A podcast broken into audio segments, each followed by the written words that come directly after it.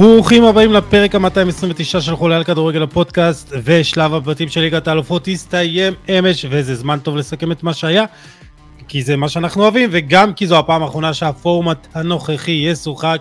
ואנחנו עם אה, פאנל חדש, אה, שני אורחים מכובדים, אה, פרשן הבית יוני מונפו ורועי זגה זה שילוב שפעם ראשונה יוני מונפו היה פה ב... 20 אלף פרקים, זאגה גם התארח במלא, אבל זו פעם ראשונה ששניכם ביחד, אז אה, איזה כיף לי. יוני, מה העניינים? מצב טוב, יחסית לתקופה, כמו שאמרנו לפני הפרק. כבוד גדול להיות פה עם אה, זאגה, ובואו נראה איך זה יצא לנו. רועי זאגה, הפוד על הכדור, מה העניינים? אהלן יוסי, תמיד כיף להתארח, אני גם ככה בשבועות האחרונים כתבתי לך, מה איתי, מה איתי, תזמין אותי, ככה אז אה, הגיע הזימון המיוחל. ואני תמיד שמח להתארח אצלך. אה, ובטח עם יוני, כן, שאני שמעתי אותו הרבה בכל הפרקים, בטח יהיה דיונים מעניינים. אה, כן, כן, אה, יוני תמיד מעניין איתו. ואנחנו נדבר הרבה על ליגת האלופות, כמו שאמרתי, זה הפעם האחרונה, השנה האחרונה שבעצם הפורמט הנוכחי ישוחק. יש לנו כמה הפתעות, כמה אכזבות, אה, הרבה דברים לדבר עליהם, גם העתיד של אה, אוסקר גלוך ומה כדאי לו לעשות, כי אנחנו מדברים פה על סכומים של 40-50 מיליון לירות סטרלינג, אבל נשמור את זה להמשך. אה, קצת ברק בכר, אה, נעשה גם אה, פנטזי ועדכונים, מי במקום הראשון בליגה של חולה על כדורגל, אה, ובסוף הימורים וככה תחזיות. Uh, אני רוצה להגיד תודה גם לאריאל טוויטו uh, ענק uh, מהצוות של uh, חולה על כדורגל שמספק לנו נתונים אה, בעוד פרק, אז אה, תודה אריאל. ולפני שנתחיל, אה, הודעה קצרה, אני רוצה לפנות אליכם בעלי עסקים שרוצים חשיפה עצומה של חולים על כדורגל בפלטפורמות השונות, כאן בפודקאסט ובשאר הפלטפורמות של חולה על כדורגל בפייסבוק, בטלגרם, עברנו את רף העשרת אלפים מנויים בערוץ, אז שווה. יש לנו אינסטגרם, טיק טוק, טוויטר ויוטיוב וגם אתר אינטרנט מושקע כדורגל.com עם תכנים מעולים ואיכותיים. יש לנו חביל, חבילות משתלמות לעסק שלכם אז אתם מוזמנים ליצור איתי קשר, תשלחו לי הודעה פרטית בשלל הפלטפורמות בפייסבוק, בטוויטר, באינסטגרם, אני זמין ונוכל לדבר. אה, ולכם מאזינים ומאזינות, אה, אתם מוזמנים אה, כמובן תמיד לדרג את חולה על כדורגל הפודקאסט באפליקציות ההאזנה השונות. זה עושה לנו טוב וזה עוזר לנו, וגם לעקוב פה אחרי הפוד על הכדור, רועי זגה, הפודקאסט. תודה יוסי, תודה רבה. אה, אני ככה בינתיים באמת בקצב של פרקים פחות ככה בגלל המצב, אבל עולה הרבה תוכן בפלטפורמות, ולהאזין אני ממליץ רק לפה בינתיים ככה. תודה, תודה, תודה. אה, ובואו אה, נתחיל לדבר. אז כמו שאמרנו, זו השנה האחרונה. זגה, אתה מתבאס שזו, אנחנו משנים פורמט? שאלה טובה. האמת שלדעתי דיברתם על זה באמת באחד הפרקים כבר. אה, הפורמט, צריך שינוי, אני חושב שאפשר להסכים על זה, צריך שינוי, הבעיה שהפורמט מאוד, אה, מאוד מבולגן, היחיד שהסביר את זה, הישראלי, בצורה יחסית מובנת, זה יוסי, יוסי אחר, יוסי מדינה, שככה, בטח גם אתה שיתפת את זה, אני חושב, את ההסבר המפורט שהוא עשה, אבל צריך איזה דוקטורט בשביל להבין את הפורמט הזה, בעיה קצת בעיניי, אבל כן צריך להוסיף משהו, הרי אתמול היה מחזור אחרון באמת, ישבתי עם חברים, ראינו, כולם אמרו לי מה הכל גמור כבר כאילו מה יש לראות? רוב, רוב המשחקים כאילו היו לפרוטוקול. אולי על מקום ראשון שני גם שמספיק תיקו כל מיני כאלה דברים זה היה קצת מבאס באמת. הוריד מהעוקץ קצת. נהנית בסך הכל בשלב הבתים הזה ספציפית העונה או שכאילו אה, שאלה טובה. סביר. היה פחות טוב משנים קודמות באמת אנחנו עוד נדבר על זה אבל אה, זה תמיד כיף ליגת אלופות אתה יודע מלא גולים מלא קבוצות שהפתיעו בסוף אה, תמיד כיף. אה, יוני, מרוב פרקים איתך אני כבר לא זוכר מה אמרת על הפורמט, אתה... לא, אני, אני בעד ליגה, אתה יודע, אני בעד ליגה אירופית, אני ריאל מדריד, נכון. אני בעד uh, טבלה אחת, ליגה אחת, בית חוץ לכולם, אני חושב שהפורמט הזה, גם, גם הבא, זה פשרות של פוליטיקה ויש מספיק איכות כדי לייצר ליגה טובה ואיכותית, אירופאית, רואים את זה מצליח במקומות אחרים, כמו ארה"ב, הדעה שלי מאוד מאוד ברורה. אה, לגבי השנה, אני חושב שבכלל בשנים האחרונות אה, די ברור ברוב הבתים מי יעלה, הפערים מאוד מאוד גדולים, אה, ובדרך כלל אנשים, רוב האנשים עוקבים אחרי הקבוצה שלהם ועוד איזשהו משהו, אז אתה יודע, ריאל מדריד גמרה את הבית הזה מהר, אז לא היה כל כך הרבה עניין. אני חושב שצריך שינוי, אבל השינוי הוא כמו בהרבה דברים בחיים הפך להיות פוליטי, והלכו על משהו שבעצם מאפשר למי ששולט היום להמשיך לשלוט, הכל עניין של קולות, הכל עניין של בחירה, וככה זה נראה, האם יהיה יותר טוב מזה? אני חושב שכן, אני, אני אפתיע אותך, אני אגיד לך שכן, כי בסוף כשיש טבלה אחת ויש סדר אחד, אז המתח נמשך עד הסיום עם, עם כמה שיותר מסגרות, שיהיו בעצם 24 עולות, אה, אתה יודע, יהיה 8 עולות לשמינית ישר, ועוד 16 קבוצות שילכו למשחק אחד, אה, כדי להפיל לשמינית, אה, ויהיה שישה משחקים, סליחה, שמונה משחקים, אבל לא יהיה מול אותן קבוצות, כלומר לא בית חוץ, קצת בלאגן, קצת חוסר סדר, אבל לאט לאט אתה לומד וכלומר נשלוט בזה מהר, כלומר זה לא איזה משהו עד כדי כך מסובך. כן, אבל, אבל, אבל אתה אומר זה כזה, זה אולי זה פתרון ביניים עד הליגה האירופית, הסופר ליגה, מה שלא יהיה?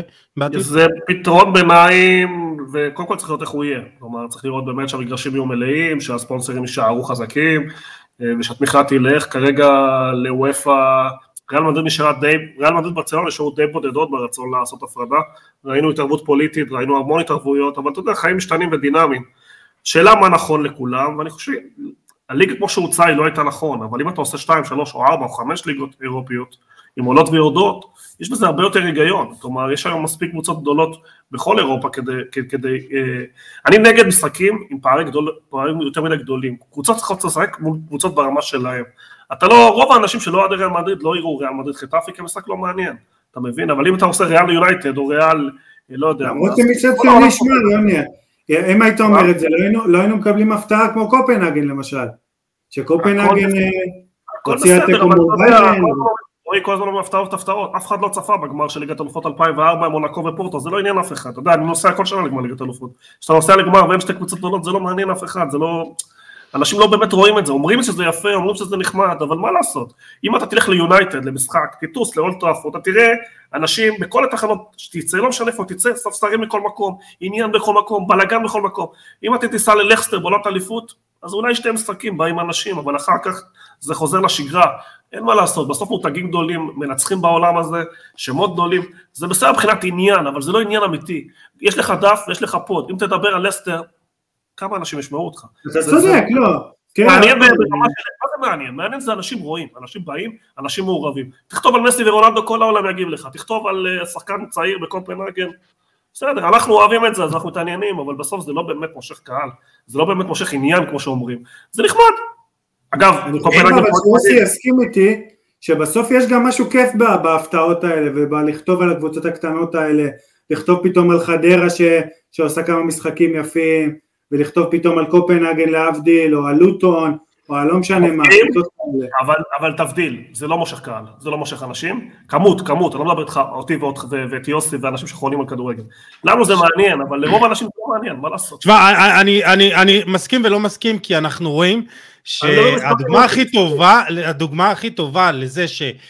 הרגש מנצח את הכסף זה גרמניה וגרמניה היא, אה, תקשיבו, היא הליגה עם הכי הרבה קהל באירופה ואתם יודעים איזו ליגה רביעית הכי, עם הכי הרבה קהל?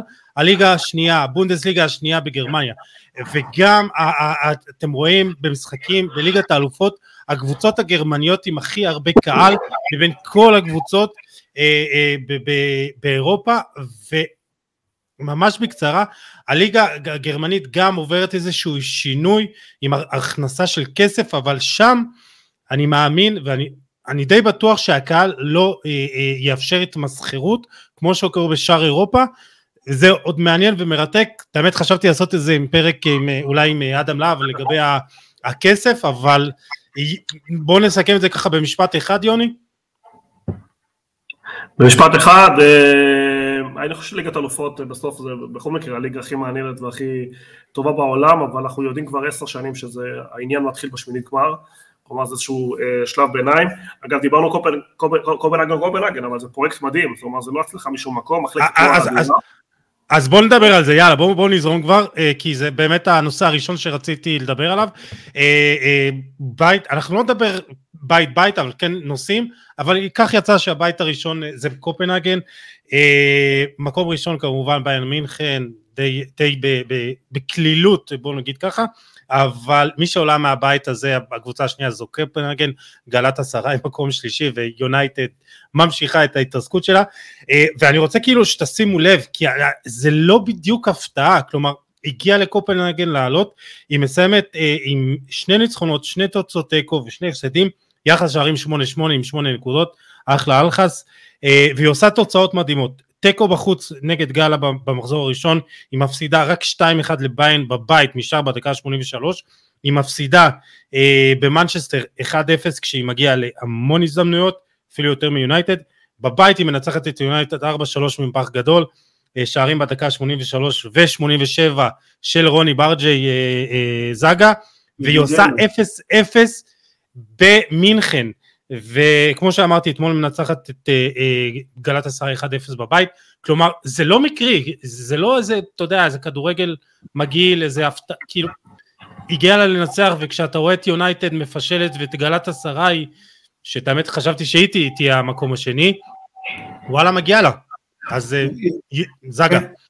חשוב לציין קודם כל שהיא באמת, אמרת את זה אבל זה ככה משתמע, היא היחידה שלקחה נקודות מביירן למעשה קודם כל, בכל הבית הזה, והנתון היותר מעניין, שהיא למעשה התחילה את העונה שלה, האירופית, אה, בחודש יולי, שהקבוצה שהיא פרשה, לא יודע אם ראית, אם אתה יודע, זאת בריידבליק, ששיחקה מול מכבי, בריידבליק האיסלנדית, אה, התחילה מולה בסיבוב השני של מוקדמות הצ'מפיונס, עברה, עברה דרך לא קלה, עברה אותה בקלות, אבל ניצחה בפנדלים בפראג בסיבוב השלישי, ממש הגיעה לפנדלים, כמעט עפה, אחרי זה 2-1 דחוק בצמד המפגשים מול ראקוב צ'נסטוחובה הפולנית, ובסוף הגיע לשיא בדיוק בזמן בעצם, בשלב הבתים הזה. באמת קמפיין מעורר השראה של הקבוצה הזאת. אז, אז אה, יוני, הסברת שזה לא בדיוק, אה, אתה יודע, איזה סינדרלה, אלא באמת מחלקת נוער, דיברנו על רוני ברג'י, זגה כתב לאתר של חולה על כדורגל, על אה, ברג'י, על, על הסיפור הנהדר שלו והכישרון, אבל אתה אומר, עובדים שם יפה. עובדים יפה בכל הליגות הסקנדינביות, אני חייב להגיד, קודם כל ברמת סקאוטינג, אתה רואה המון שחקנים שנמכרים לאירופה בסכומים גדולים שבאים, אה, אני חושב שקופנהגן גם אה, תחרות לא, לא פשוטה בדנמרק והיא כן מצליחה להיות הקבוצה המובילה ושולטת, הרבה שחקנים נמכרים, הרבה שחקנים נגנבים להם גם בגילאים 18-19 אם תסתכל אה, באוסטריה ובמדינות, זה לוקחים להם שחקנים טובים, כלומר הם עושים דברים נכונים גם במחלקת נוער ויש להם שילוב טוב, גם שחקני בית, גם רכש סקאוטינג טוב, בעיקר אפריקאי, גם יש להם מספיק כסף כדי לגנוב אה, אה, אה, מה, מה, מהליגות המתחרות, גם הנורבגית וגם השוודית, ואני לא מופתע לגמרי, כלומר זה כן הפתעה גדולה שהם עוברים, אבל זה שהם עושים דברים נכונים וטובים, אנחנו רואים את זה במשך כמה שנים, אה, וזה הגיע עכשיו לאיזשהו שיא מסוים, אה, אבל אני חושב שפה זה הגבול של הפוטנציאל, כלומר מאוד קשה לראות אותם עושים משהו גדול בשמינית גמר, אבל בכל זאת, דרך אגב, גם מוכרים שחקנים כמעט כל שנה, תבדוק, כמעט כל שחקן,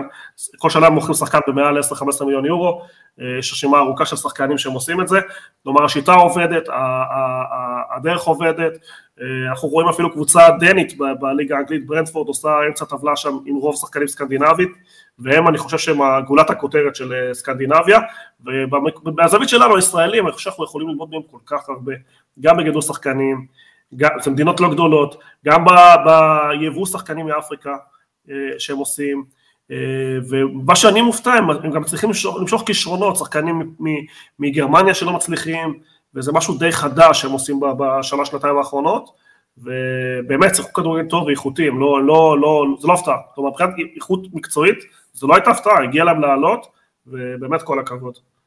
אז, אז אולי ניתן בקצרה כמה שחקנים שיצאו משם בשנים כן. האחרונות, יוסי. יש את כן. רוברט סקוב ששיחק באופנהיים, לדעתי הוא עדיין שם, שחקן נהדר. אה, רובין אולסן השוער שברומא. אה, יש את מוחמד דאראמי שהגיע לאייקס, היה נחשב כישרון ענק, היום הוא לדעתי בריימס, אה, נותן שם יפה. יונאס ווינד בוולפסבורג שעושה דברים מאוד יפים. והשנה מכרו את הרלדסון האיסלנדי לליל ב-15 מיליון יורו, שחקן שאנחנו ככל הנראה נפגוש בפלייאוף העלייה ליורו באמת, ככה באמת לא מעט שמות גדולים שיצאו משם. והשם הבא זה רוני ברג'י, שהשער שהוא כבש נגד מנצ'סטר יונייטד, שער ניצחון אה, כאמור, הוא השחקן הכי צעיר אה, בליגת האלופות שכובש נגד יונייטד, בגיל 17 שנה ו-358 ימים. רוני ברדג'י הוא, הוא ילד פלא ענק ב manager וכאילו אחת ההחתמות הראשונות של כל שחקן ב manager. זאגה אתה גם כתבת עליו. אתה חושב שאנחנו נראה אותו מתישהו? מתי מגיע את לשלב הבא? כאילו, אה, ממש ממש בקרוב, קודם כל לכו לקרוא, ככה לא? נעשה איזה ככה טיזר, לכו לקרוא, אבל כישרון עצום, ממש אחד הגדולים, ככה לקראת הכתבה גם ראיתי אותו יותר, ככה ללמוד עליו, אחד הכישרונות הגדולים בעולם בעיניי, לדעתי הוא גג תוך שנה מהיום, ינואר הבא גג, ב- בליגה הגדולה, באחת מחמש, אחת מארבע אפילו. אגב, דיברתי על שחקנים שנגנבו, אחד מהם זה רסמוס אה, אוילנד שנקנה, היה בשטורם גראנץ, עבר דרך אטלנטה ויונייטד שמו עליו חבילות, יש היום עוד שני שחקנים בשטורם גראץ אה, שהגיעו משם, אה, באמת אין ספור כישרון, ואני באמת חושב שהפרויקט הזה ימשיך, כלומר אנחנו רואים שיש המשכיות גם בנוער וגם בסקאוטינג, ואנחנו כן נראה אותה אה, לא יודע אם עושה שמינית וזה, אבל כן עושה תוצאות טובות בליגת אלופות בשנים הקרובות. אה, בהחלט. בהחלט, והזכרת אה, את העבודה שנעשית, יש את מיטיולין באותה ליגה בדנמרק, עושים עבודה טובה עם, גם עם right to dreams, האקדמיה באפריקה, כלומר יש שם באמת איזה ליגת מעבר, אז שימו לב לשחקנים שנמצאים שם. כמו שאמרתי, אני לא רואה אותה עושה מעבר לשמינית, אה, עוד נדבר על התחזיות, זו פעם שנייה שלה בשמינית הגמר, אה, פעם ראשונה ב-2010-2011, אה, ה-XG שלה הוא הנמוך ביותר מקרב העולות, כלומר אנחנו, רוב הסיכויים שזו הקבוצה שכולם רוצים לקבל, אבל לכו תדעו, אני רוצה לדבר על מנצ'סטר יונייטד וכאילו זה, זה נראה שאין מה לחדש יותר מפרק לפרק, כי אנחנו מדברים, יוני, דיברנו לא פעם אה, על העבודה, כתבתי עליה בדף ובאתר, אה, אבל תשמעו, מה אני אגיד לכם, כשאתה מכניס את ג'וני אבנס כמחליף במשחק מכריע, אז כנראה שאתה בבעיה. זאגה. בוא נראה, בוא, בוא נשמע את זאגה, כי לא שמעתי את זאגה מדבר על יונייטד, אה, יוני ואני דיברנו מספיק, אז הבמה שלך. קודם כל אפשר להזכיר בהלצה את ה... את ההתאהבות הזאת שהייתה לשגיא כהן לג'וני אבנס, זה היה קצת הזוי, מהרגע שהוא נכנס הוא, הוא אמר, הוא מנהל את המשחק, הוא זה, הוא עושה פה דברים, בלם בן כמה, 35, שבאמת, אפילו בלסטר הוא לא פתח אם אני זוכר נכון, אולי קצת, הוא לא היה ככה הבלם המרכזי שם בטח, ו- והוא כבד והוא איטי והוא ככה, בעיניי מתאר אולי הכי טוב את מנצ'סטר יונייטד של היום. משהו שפעם עוד היה נחשב טוב, עוד זכה בתארים, עוד עשה דברים, והיום הוא ככה דהה, דהה עם הזמן. אז זו מנצ'סטר יונייטד בדיוק, היא כמובן הייתה בשיאה הרבה יותר גדולה מג'וני אבנס ממה שהוא יכל להיות בחיים, כן? אבל אה, הוא היה, כמו ששגיא כהן אמר אתמול עשרות פעמים, וזה נכון, הוא היה חלק ממנצ'סטר יונייטד גדולה, שזכתה בתארים, שזכתה באליפויות, לדעתי הוא גם היה בגמר Champions אחד בסגל, או אולי בשניהם, אבל אה, היום הוא לא ראוי למנצ'סטר יונייטד, ועצם זה שהוא בכלל שם, זה אומר עד כמה זה לא מנצ'סטר יונייטד הראויה.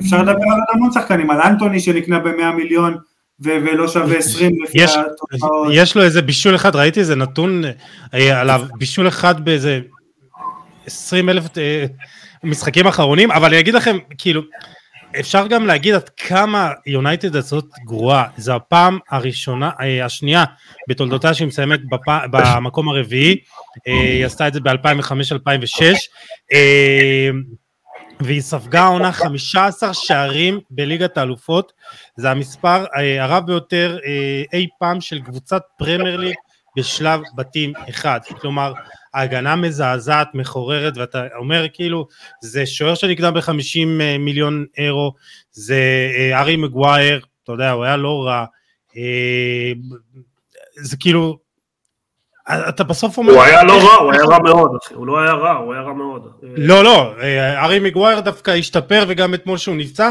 השתפר, אבל מה, אבל... הוא, הוא מבסס את כל, ה, כל ה, לא, חוסר מקצועיות בקנייה של שחקנים, הוא קשה לו מאוד בקו גבוה כי הוא לא מספיק מהיר, הוא לא נכון, נכון, ואולי, ואולי זה מה שבאמת אה, לא... משחק ראש חזק, קרנות, אה, נחישות, אה, אפילו סוג של מנהיגות, אבל בקבוצה כזאת החסרונות שלו מאוד מאוד באים לידי ביטוי לאורך זמן, שוב אתה יכול לתת שניים שלושה משחקים באיזשהו סגנון משחק שמתאים לו יותר, אבל הדרישות של קבוצה גדולה הוא לא מתאים, הטכניקה שלו בכדור לא מספיק טובה, המהירות שלו בחיפוי כשאתה צריך ללחוץ גבוה לא מספיק טוב. שמע, אתה, אתה מדבר על משהו נכון, כי ראינו כזה סיטואציות, כמה סיטואציות במשחק נגד ביין, שאנדרי אוננה בא לקבל כדור ואתה רואה אותו פשוט עומד בצד כזה, אל תמסרו לו, כאילו זה, זה היה כאילו הוא עומד מאחורי אנדרי אוננה בבילדאפ וכאילו זה סיטואציות הזויות. לאורך זמן, אז לאורך זמן הוא לא יכול לתרום, לאורך זמן הוא לא כן. יכול לשחק. אה, נקודה אחרונה יוני, כן. איך רפאל ורן, ראינו אותו אה, נגד ביין, הוא דווקא היה במשחק לא רע, איך רפאל ורן הפך להיות בלם רביעי חמישי ברוטציה? מאוד קל, אה, חוסר מוטיבציה, חוסר ירידה גדולה בתשוקה שלו ובמחויבות שלו למשחק, אז זיהו את זה בריאל מדריד ושמחו להיפטר ממנו, אנחנו לא כל כך התרגשנו שהוא עוזב, שחקן שבאמת התחיל בגיל 19-20, עשה דברים גדולים ובאיזשהו שלב ראינו שהוא פחות, פחות מחויב, פחות אה, זה, וריאל די שמחה. אז זה גם באשמתו אתה אומר.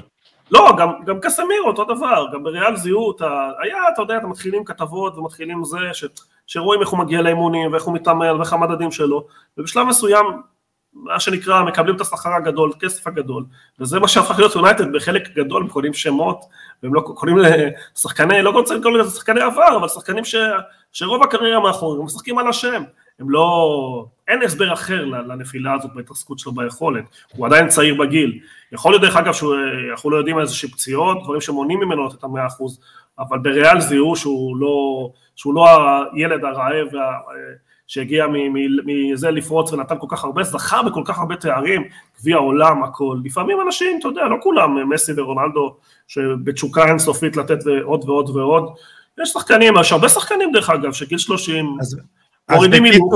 דרך אגב, ינואר גג יולי הוא בסעודיה. יוסי, אתה יודע, אתה, אתה מאמן כושר ואתה יודע שככל שעולה הגיל, המאמץ שאתה צריך כדי לשמור על הכושר הוא הרבה הרבה יותר גדול, ואם אתה מפשל בתזונה, משנה דברים, אתה צונח, וברמה הזאת רואים את זה מיד, אין, אין פה איפה זה, ואחר כך קשה לחזור.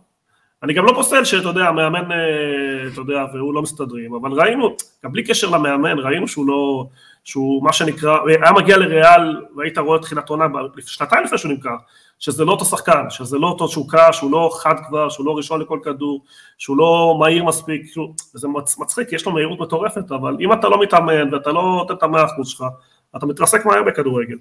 אה, ומנצ'סטר הפכה להיות איזה סוג של כזה קונה שמות, קונה שחקנים אחד על השני, לא, זה הכל מתחיל למעלה מהבעלים שלא מבין כדורגל מספיק, ופה אתה יודע, אני תמיד אומר כסף, אני תמיד אומר כסף, כסף, בסוף כסף מנצח, אבל כסף צריך לקנות ניהול, ברגע שאתה לא קונה ניהול ואתה חושב שאתה מבין משהו, פה אתה נופל, ואנחנו רואים את אותו דבר קורה בצ'לסי, שזה לא עוזר הכסף הגדול, כי הניהול לא נכון.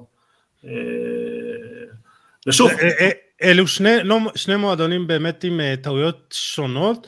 אגב, אם תביא מאמן חדש, אין לו כמעט בסיס לבנות, כמעט, הוא כמעט צריך להחליף כמעט את כולם, זה פשוט, אולי יש לו את פרננדס ועוד איזה שלושה ש, שברמה הכי גבוהה שיש, אבל זה מצחיק, הם קונים כל, שחק, כל שנה שחקנים ב-100, 50, 70 מיליון, ואתה לא רואה שחקנים ברמה הכי גבוהה בעולם, אתה לא רואה וורד קלאסים, כאילו, שוב, בשמות כן, לא, לא ביכולת. אז uh, uh, באמת יונייטד uh, זה מועדון שתקוע אי שם בשנות ה... תחילת שנות האלפיים ובאמת כאילו כבר נמאס לי לדבר אז בוא, בואו נעבור הלאה. מחילה מביין מינכן כל הכבוד אנחנו מדברים עליכם הרבה. נתון אחד רק לגבי ארי קיין הוא השחקן הראשון בחמש הליגות הבכירות באירופה. בכל המסגרות העונה שמגיע ל-30 מעורבות ב-30 שערים 22 שערים 8 בישולים. יכול להיות שזה השחקן אה, אה, שיעשה את ההבדל, אה, אבל אני רוצה שנתקדם לשתי הקבוצות המושלמות של, ה, של השלב הבתים, מנצ'סטר סיטי וריאל מדריד, ולא לא בכדי הן מובילות גם בטבלת הסיכויים לזכות.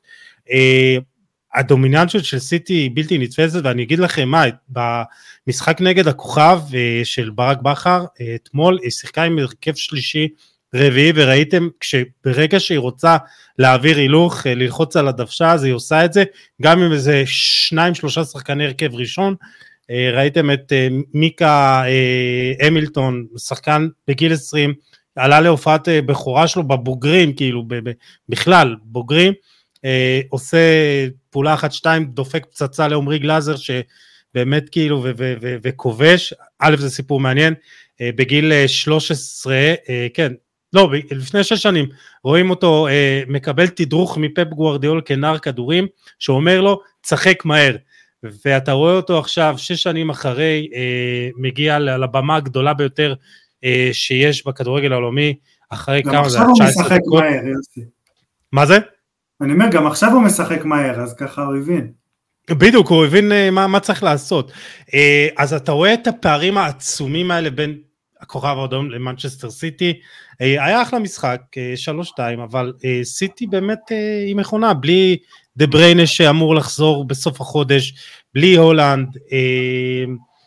כן, אבל חשוב. להגיד, אז, אני אמשיך. את זה, חשוב להגיד שסיטי דווקא, שלא נסתנוור מהצ'מפיונס, בליגה היא מאוד מאכזבת, גם את לייפציג אגב ניצחה 3-2 די בקושי, ובליגה בעצם אה, ניצחה את לוטון 2-1 במשחק האחרון, גם ככה אה, פיגרה דקה 70 לדעתי כמעט, אה, אמנם הולנד לא היה, אבל זה לא תירוץ, ולפני כן הפסד בווילה של קבוצה לוהטת, אולי באחד הפרקים הבאים בטח תדבר עליה, ושלוש תוצאות תיקו מול טוטנאם, ליברפול וצ'לסי, שהיא ספגה במשחקים האלה תשעה שערים בארבעה משחקים, יחד עם לוטון עשרה בחמישה משחקים, ככה, ועוד עכשיו, אתמול נגיד נחריג, עוד הרכב שני, שלישי, אבל היא, היא דווקא העונה הוכיחה שהיא פגיעה, ובעיניי, אה, אני אישית לא, לא רואה אותה זוכה שוב, בוא נגיד ככה. אני מזהה אצלה חוסר, ירידה גדולה במוטיבציה, אתה רואה את זה במשחק הלחץ, מה שמאפשר את השערים, אתה רואה שהקבוצה לא אותו רעב ששנה שעברה שזה, מצד שני צריך לזכור שעד ינואר שנה שעברה הם היו בסדר בתוצאות ומינואר הם פשוט העלו הילוך ופירקו את הכל, ניצחו את כל המשחקים, אז אני לא סגור עד הסוף לגבי אה, שלא יזכו, כן יזכו, צריך לראות מה יקרה מחג המולד וקדימה, אם הם יצליחו להרים את ההילוך עוד פעם, לא יודע, יש שם כל כך הרבה כישרון, יש מאמן כל כך מנוסה, אבל כן מזהים חוסר אה, אה, ירידה.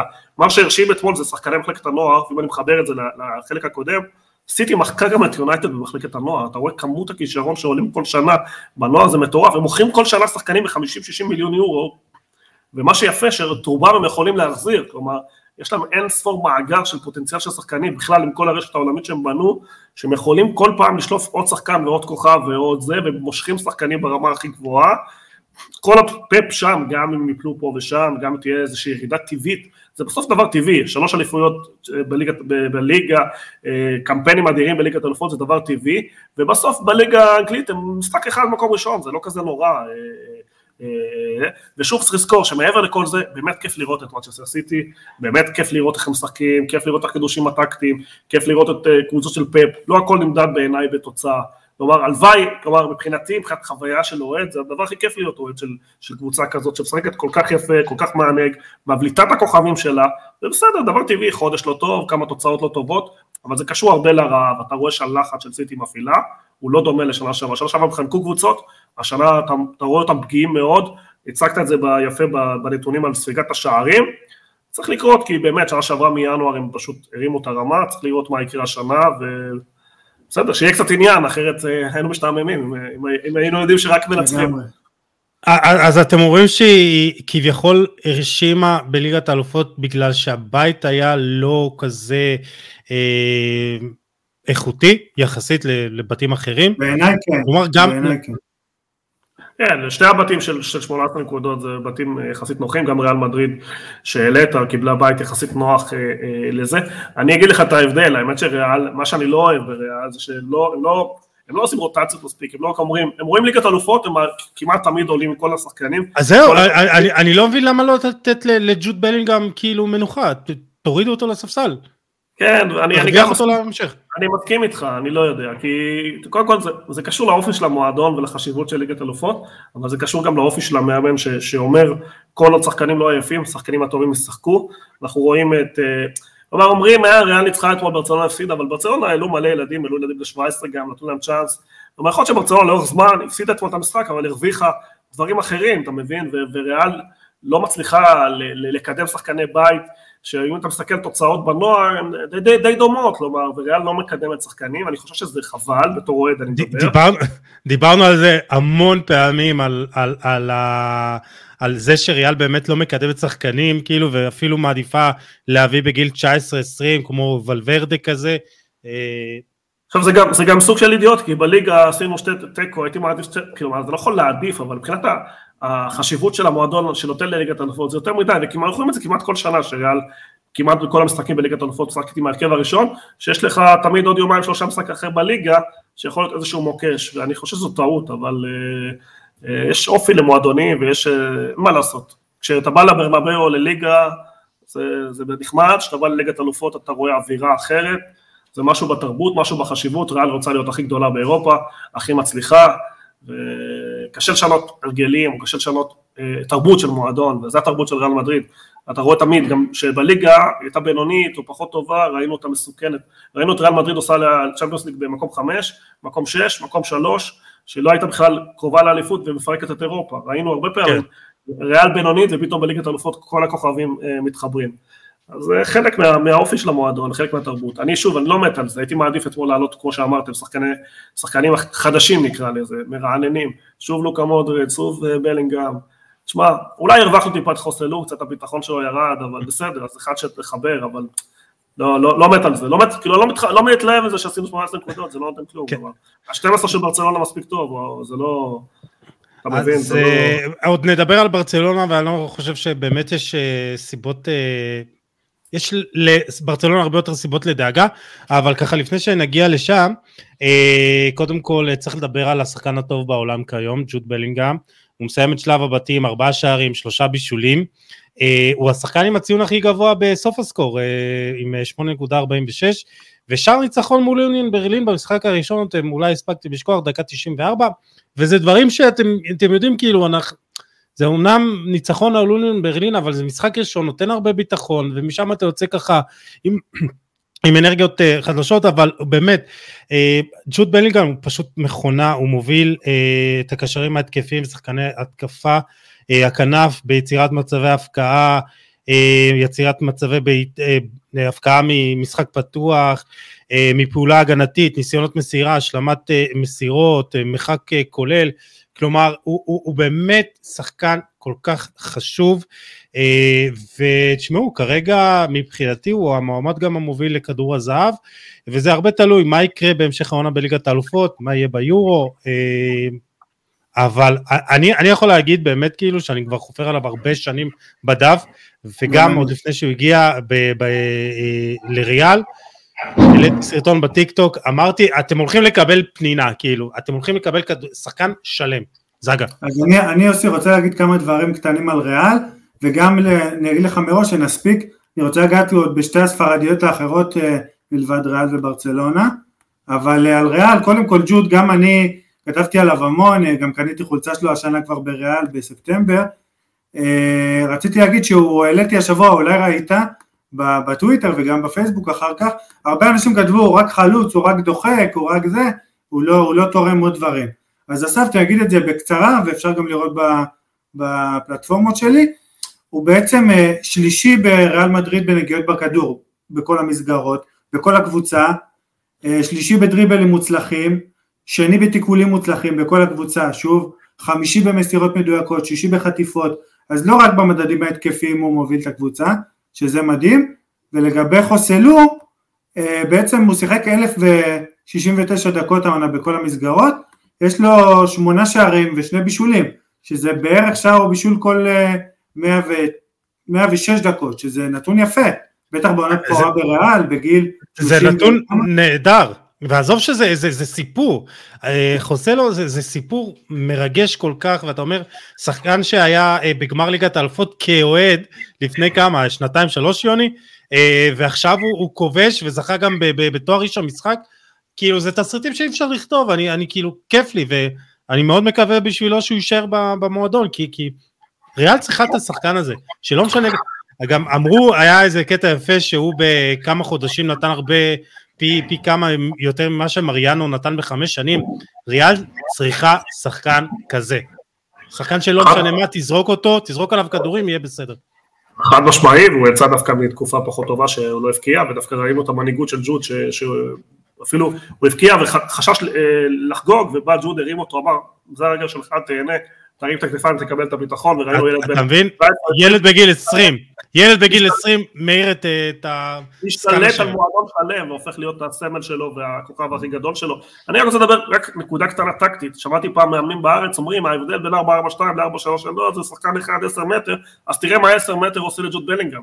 תראה את הקפיצה שלו בנתונים במספרים, הוא עוסק בדורטמונד 8, כזה באמצע המגרש, פתאום שהוא 10 מתחת, כלומר, קידמת אותו 10 מטר לשער, ופתאום הוא כובש פי 2 ופי 3, כלומר צריך להבין שהכדורגל זה דבר רציני, אני חושב שהיכולת של ריאל להבין שהוא הולך להיות השחקן הטוב בעולם ולתת לו את הבמה ולהזיז עבורו שחקנים, זה פשוט אה, סוג של גאונות, סוג שהמועדון יודע לעשות, ואין מה לעשות שאתה עושה את זה בריאל, במועדונים גדולים בכלל, אתה מקבל תודעה הרבה יותר מהר והרבה יותר, אה, אה, אה, מה שנקרא, אתה קופץ הרבה יותר מהר.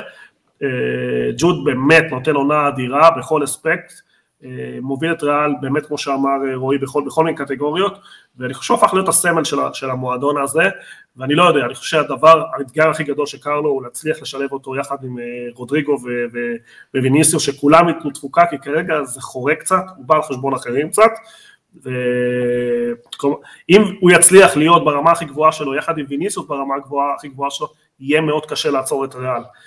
ואנחנו עדיין לא שם, אנחנו רואים בינתיים שזה בא קצת אחד לחשבון השני. אם היה לו טיפה מהירות בכלל, אני חושב שהוא באמת יכול להיות אחד הגדולים בהיסטוריה, ואני חושב שכרגע באמת הוא אחד הגדולים בדור הזה, לא נופל מאמבפה ולא נופל מאלנד לפחות ברמת התפוקה שלו, ואני חושב שזה הישג ענק בזמן כל כך קצר. אה, הוא אפילו לא צריך להשתפר, הוא צריך לשמור על זה, כלומר להמשיך לכבוש, להמשיך לתת, הוא כנראה יקבל את הפנדלים, ארבעה שחקנים השנה בעטו אה, ופספסו, כלומר יעלה את המספרים שלו, רודריגו החמיץ, לוקה החמיץ, חוסלו החמיץ, וחסר לי פה שחקן שהחמיץ, לא משנה.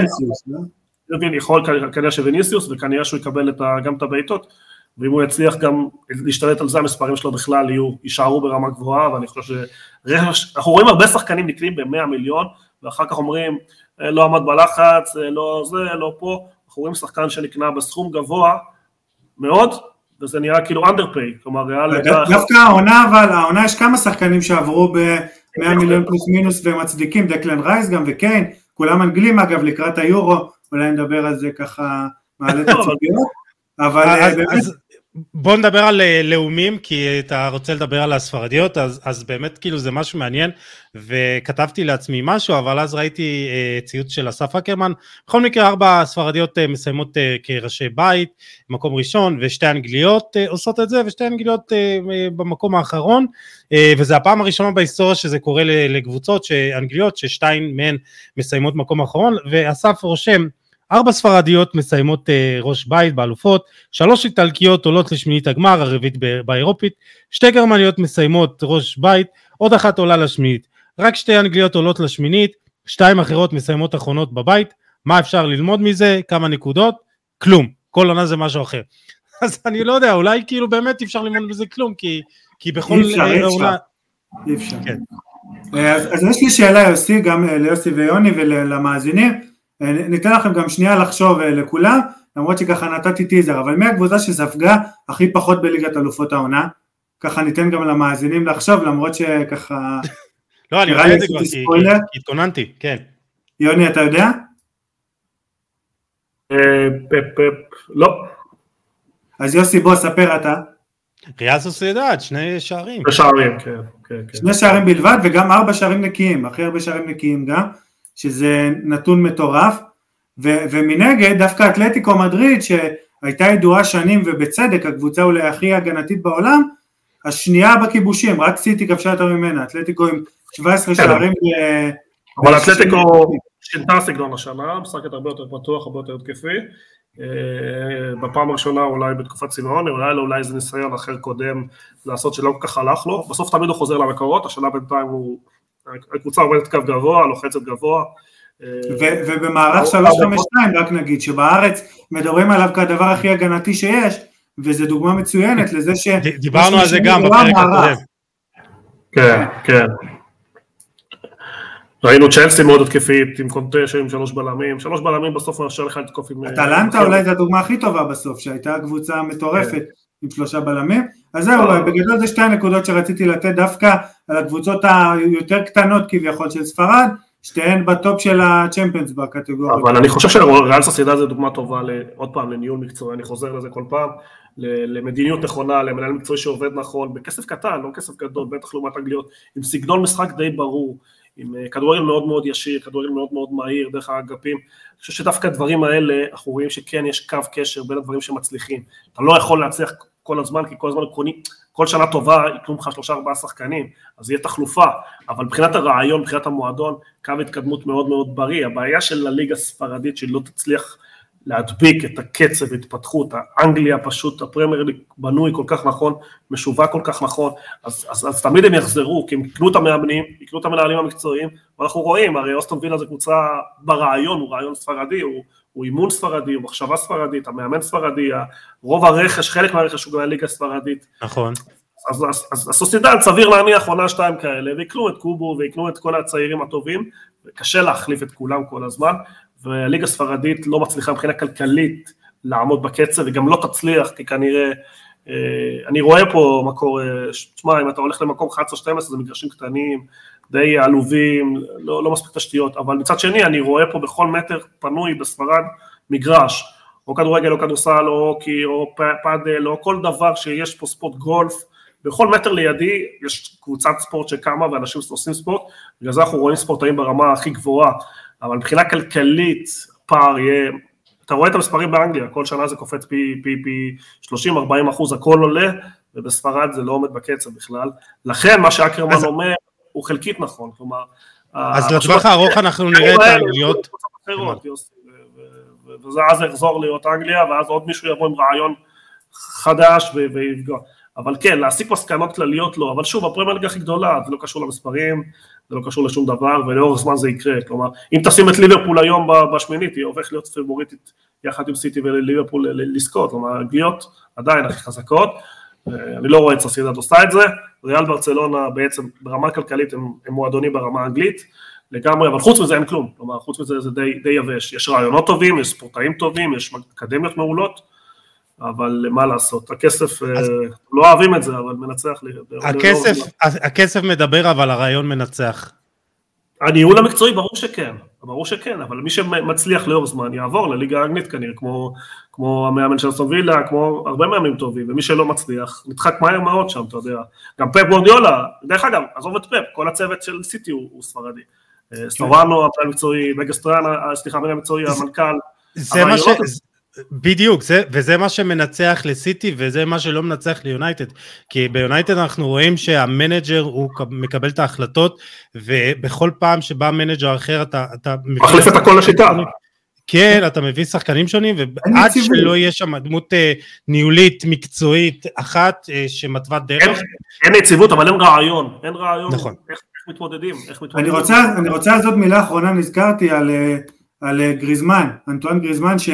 בעצם כבר עכשיו, אה, אם ימשיך בקצב הזה בטח, בעונה הכי טובה שלו בקריירה מבחינת שערים, בעונה שעברה הוא עשה אמנם עונה אולי אפילו יותר טובה, יכול להיות 16 שערים, 16 בישולים בכל המסגרות באתלטיקו, והגיע מנגד עם צרפת לגמר המונדיאל, עם המון בישולים, אבל העונה הוא כבר 21 אה, משחקים שיחק, 14 גולים, קצב של אה, שני שליש גול למשחק, שזה מטורף, ואם ככה ממש בקצרה, בעונה לפני הוא קבע 16, אמרתי, העונה לפני כן 8, לדעתי הוא עוד היה בברצלונה, 8, 20, 15 בעונה שלמה, עכשיו הוא עם 14 ואנחנו עוד, אה, עוד כאילו עוד לא עברנו את השנה, עוד לא ב-2024, יש לו עוד חצי עונה כמעט.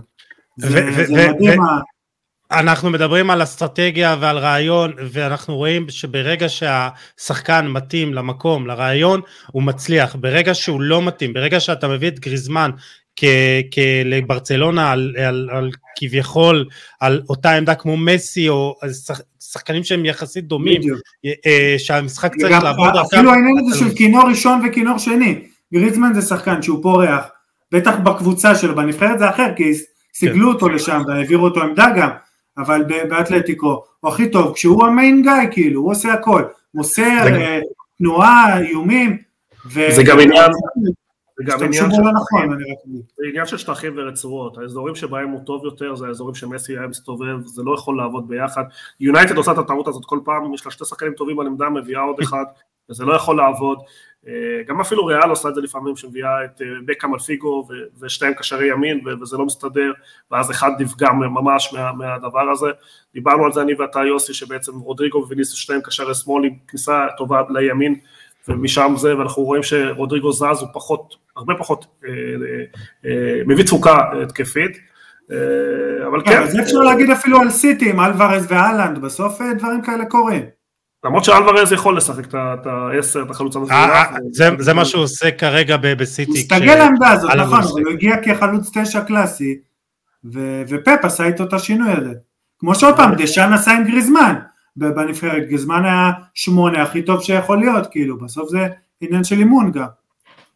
בסדר, חוליאן, חוליאן הקדוש, כן. אה, טוב בואו נדבר על ספרדית אה, נוספת שגם צריך אה, להגיד ולקחה אליפות בעונה שעברה, העונה בכלל לא מרשימה, גם בליגה, גם בליגת האלופות מקרטעת וזה די מדהים שכמעט כולם רוצים לקבל אותה כקבוצה במקום הראשון וגם אוהדים שלה אומרים שהסיכוי היחיד שלה לעבור לרבע גמר זה אם היא תקבל את קופנהגן. נתון אחד לגבי צ'אבי אה, הוא הפך למאמן הספרדי הראשון שמגיע לשישה הפסדים באלפות אחרי 14 משחקים.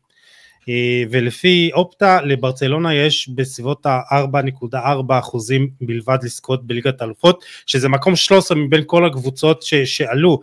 אז אה, יוני דיברנו מספיק על ברצלונה אני ואתה אז ניתן לזאגה כאילו באמת מעניין אותי לחשוב מה דעתך על ברצלונה לבנדובסקי כאילו לאיפה זה הולך?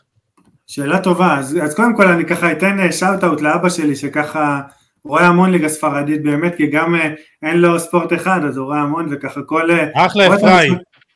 כן, רואה את המשחקים הכי קטנים גם ממש, ג'ירונה, היום ג'ירונה כבר גדולה, אבל על הווסה או ססונה, כל מיני כאלה, ודווקא בתחילת העונה, והוא צדק, הוא אמר לי וככה, הוא לגמרי צדק, ש, שברצלונה עם אה, צמד הז'וארים, קאנסלו ו... וז'או פליקס נראתה מצוין בתחילת העונה. היו לה כמה משחקים שזה היה כאילו אולי הכדורגל הכי טוב שאפשר להיות, כאילו כדורגל שוטף והתקפי ושגם משלב את הטיקי טקה זה המסירות המהירות אבל גם דוחף קדימה ובאמת כאילו בלי, בלי, בלי להתעמק ב, ב, בטקטיקה יותר מדי, אמר לי אבא שלי ועוד פעם הוא צדק, כדורגל הכי יפה שיש, ממש תענוג. אז ו... מה קרה?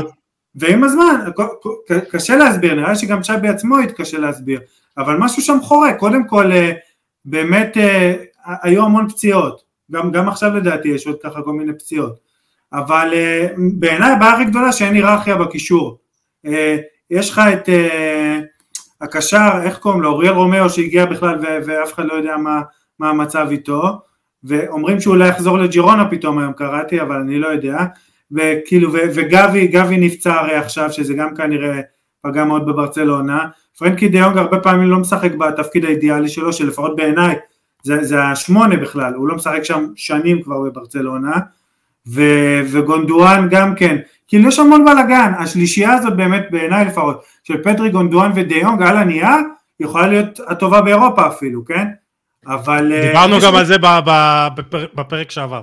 כן. אז לגמרי, אז נכון, שם, אה, גם שמעתי, אני אגיד באמת, אבל uh, ככה חשוב לי להדגיש את זה, שלישייה מצוינת, ש, שפשוט לא, לא, לא, כאילו לא, לא מתחברת, לא, לא ממצה את עצמה כמו שצריך, ובטח בהתקפה לבנדובסקי לא פוגע, גם על זה דיברתם אה, ואפשר להזכיר את זה שוב, לבנדובסקי לא פוגע וזה פוגע משמעותית בקבוצה, אבל, אבל עוד לפני כן אני רק אגיד, ההגנה, בעצם במשחק, במשחק של אתמול עוד פעם, אמנם הרכב שני, ספגו שלושה שערים, מול ג'ירונה ארבעה שערים קלים, כאילו גם, אה, חושב שרוב המאזינים ראו את המשחק, אבל ארבעה שערים קלים, מתפרצות כלילות כאלה שהיה קצת אה, מביך לראות את חלק מהגולים, קשה להאמין שזה ברצלונה.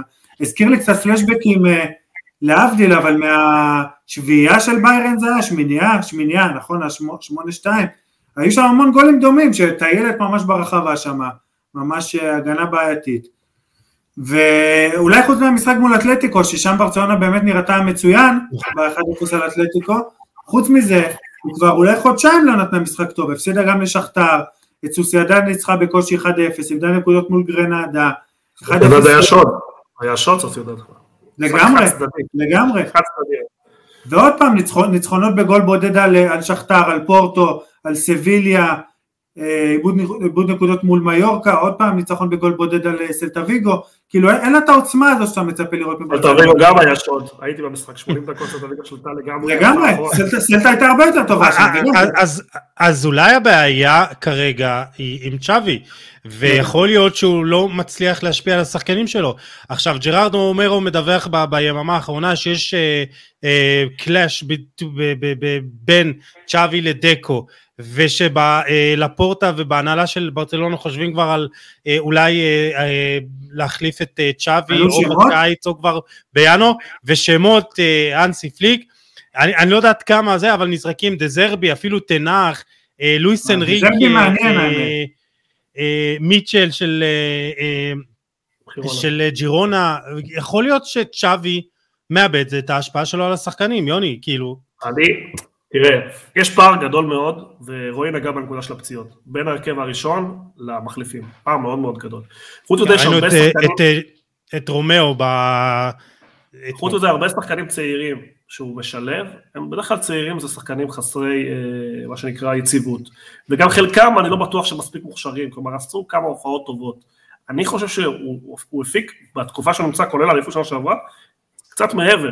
אני חושב בעיה גדולה היא בכנפיים, מדברים על פליקס, הוא עם 13 משחקים שני שערים בליגה, זה לא שחקנים ברמה של ברצלונה, אה, אה, רפיניה לא איבד את כל הביטחון שלו, נראה רע מאוד, רע מאוד, נכון שההגנה הייתה קטסטרופה נגד חירונה, וזה שחקנים ברמה של הראוכו שנראה רע, דרך אגב קנסלו איכותי בהתקפה, אבל בהגנה הוא לא קיים, הקישור הזה שדיברתם עליו מקודם הוא מאוד מאוד רך, גונדוגן בא לפה מטייל, אני, אני הייתי בשישה שבעה משחקים השנה, הוא לא עושה כמעט הגנה ולא עושה כמעט לחץ, אה, אה, לכן הם מאוד מאוד פגיעים מאחורה, אבל אני לא בטוח שהארבע הזה משקף הרבה, כי, כי קונדה היה רע מאוד, הוואוחה היה רע מאוד, אה, שוב, יש הרבה בעיות בהתקפה, גם למין ימיל, כלומר דיברו עליו הרבה ונתן כמה שערים, אבל לתת שני שערים בעשרה משחקים לרמה הזאת זה לא מספיק, זה לא מספיק, אני דווקא חושב שעד עכשיו, עד השבוע האחרון המעמד של צ'אבי היה מאוד מאוד יציב, אני לא קונה את זה, צריך, לה, אבל אם ימשיכו התוצאות הרעות, אז כן, אז יתחילו להיכנס בו,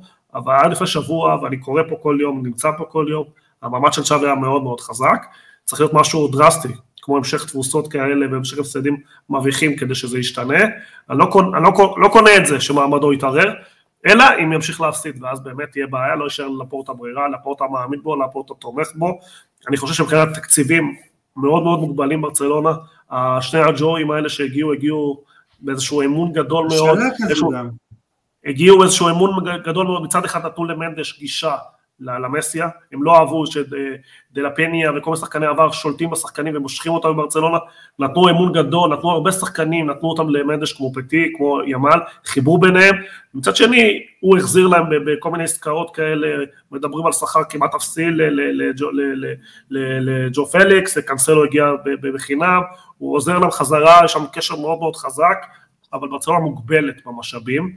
ואתה רואה הרבה עסקאות אפס, שלא תמיד זה השחקנים הכי שאתה צריך, אבל כמו מרטינז, כמו קריסטנסן, כמו רומאו.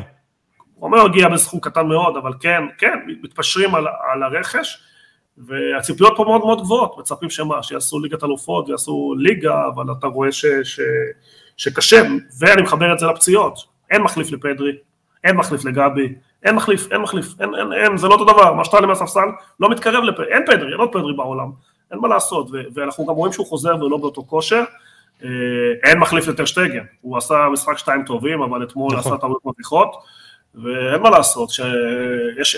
כשהפערים בין ההרכב הראשון לשני כאלה גבוהים, אז אתה אומר, כאלה גדולים, אז אתה אומר שכאילו צריך להבין את שווי ואת המצב שלו. אני חושב שצ'אבי, כל עוד יהיה בליגת אלופות, כלומר 1-4, אין סיכון למעמד שלו. אה, שוב, אלא אם יפסיד 4-5, ואז זה כבר באמת, אה, העיר פה לא תוכל להכיל אותו, כן. אבל כל עוד הוא מנצח ונמצא באזורים האלה, לפורטה ישמור עליו. אה, אני חושב שברצלונה בכל זאת, היא יכולה להיות עוד חודשיים פתאום משהו אחר. פדרי ייכנס לכושר, לבנדובסקי טיפה יתעורר, וכן יכולה להרים את עצמה, אבל אנחנו יודעים שזו תקופה, שווי, אני לא אוהב את התירוצים שלו, הוא פעם אחת מאשים את התקשורת, פעם את השופטים, פעם אומר אנחנו בבנייה, לקחת אליפות שנה שעברה, אתה לא בבנייה, אתה כבר קבוצה תחרותית, אבל אה, זה לא אסטרונים לא יקחו אליפות שנה אחת, אה, אבל לא להתחזק. כן. וימשיכו לגדל שחקנים. תשמע, מועדון עם שחקני עתיד כמו פדרי, גבי, בלדה, אראוכו צעיר מאוד, יש, יש בסיס טוב, כלומר, טרשטגן יכול לשחק עוד חמש-שש שנים, אז יכול להיות, דרך אגב, הילד מברזיל ייכנס לנעליים הגדולות של, של, של לבדובסקי. הכנפיים לדעתי לא מספיק טובים, כל הארבעה, תורס, זה, דיברתי על אז, זה. אז אני, אני, אני רוצה בהקשר הזה, ככה שנספיק עוד דברים, להגיד ש, שהבעיה של צ'אבי כרגע, בהנחה שהוא נשאר, זה הקיבעון, אנצ'לוטי באמת, תמיד היה גם כן את ה... 433 היה מאוד אוהב את זה, והבין שיש לו את ג'וד, אה, באמת אה, דיברנו על זה קודם, הבין שיש לו את ג'וד והוא צריך לבנות את הקבוצה סביבו. כרגע לברצלונה, כמו שיוני אמר וכבר דיברנו, אין לה כנפיים, אין לה. להמשיך לשחק 433 כשאין כנפיים מתפקדות, כמעט אף אחד, זה בעיניי לא הגיוני. ו- ואם הוא לא ישנה את זה, יעבור לאיזה 442 יהלום של לבנדובסקי למשל, עם פליקס כחלוץ שני, יכול לעבוד בטח יותר טוב. או, או עם אחד יש שם מספיק חבר'ה ש, שיכולים להיות יותר טובים. אם, כן. אם כבר אנחנו מש, אה, אה, חושבים על מערך, אז אתה יכול בכיף לשחק עם אה, שלושה בלמים, כשג'ול קונדה הוא הבלם מצד ימין, ואז אתה נותן לבלטה לרוץ על קו שמאל, ויש לך קו ימין, יש לך... שנה שעברה הוא דרס את הליגה חצי שנים 3-4-3, הוא לא שיחק את ה-4-3 המסורתי, הוא שינה עם שתי דאבלים, שתי דאבל קשרים, ואז הכנפיים היו בצדדים. קנסלו בקו 4 הוא קטסטרופה, הוא מאוד טוב. בדיוק. זה יכול להתחבר, כלומר, זה אפילו 3-5 יכול להיות 2, או 3-5-1-1. כן, 3-5-2, זה נכון, אפילו יותר טוב. משהו, חייב לצאת מהקיבעון הזה, כי העונה הוא לא זז מה-343 הזה, וזה נראה רע מאוד. וזהו, כאילו, אני, אני לא חושב שבאמת, כמו שיוני אמר, לא חושב שיש סיכוי באמת שהוא, שהוא יפוטר, כי, כי זה צ'אבי גם, כאילו, זה בכל זאת אחד הסמלים הגדולים בתולדות המועדון, זה נראה לי שייתנו לו... כן. אה, אה, אה, כן, אני לא רואה אותו בקלות מביאים את זה, למרות שאני מאוד אוהב את אנסי פליק, אבל בסדר.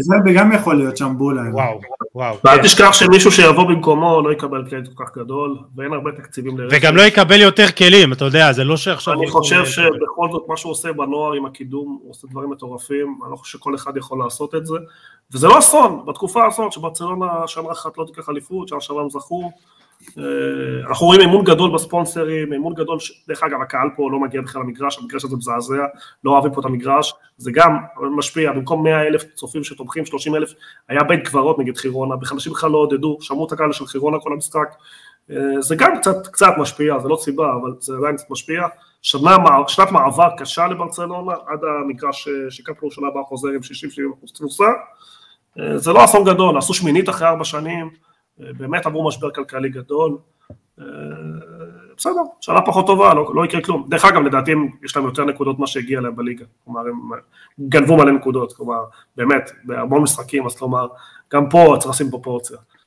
כן. אין קשר בין כמות הנקודות לאיכות הכדורגל, הם יכלו להיות במצב הרבה יותר גרוע, הם צריכים להרים את עצמם, אה, וצריכים מזל, בלי, בלי פציעות, עם פציעות כאלה יהיה להם קשה מאוד.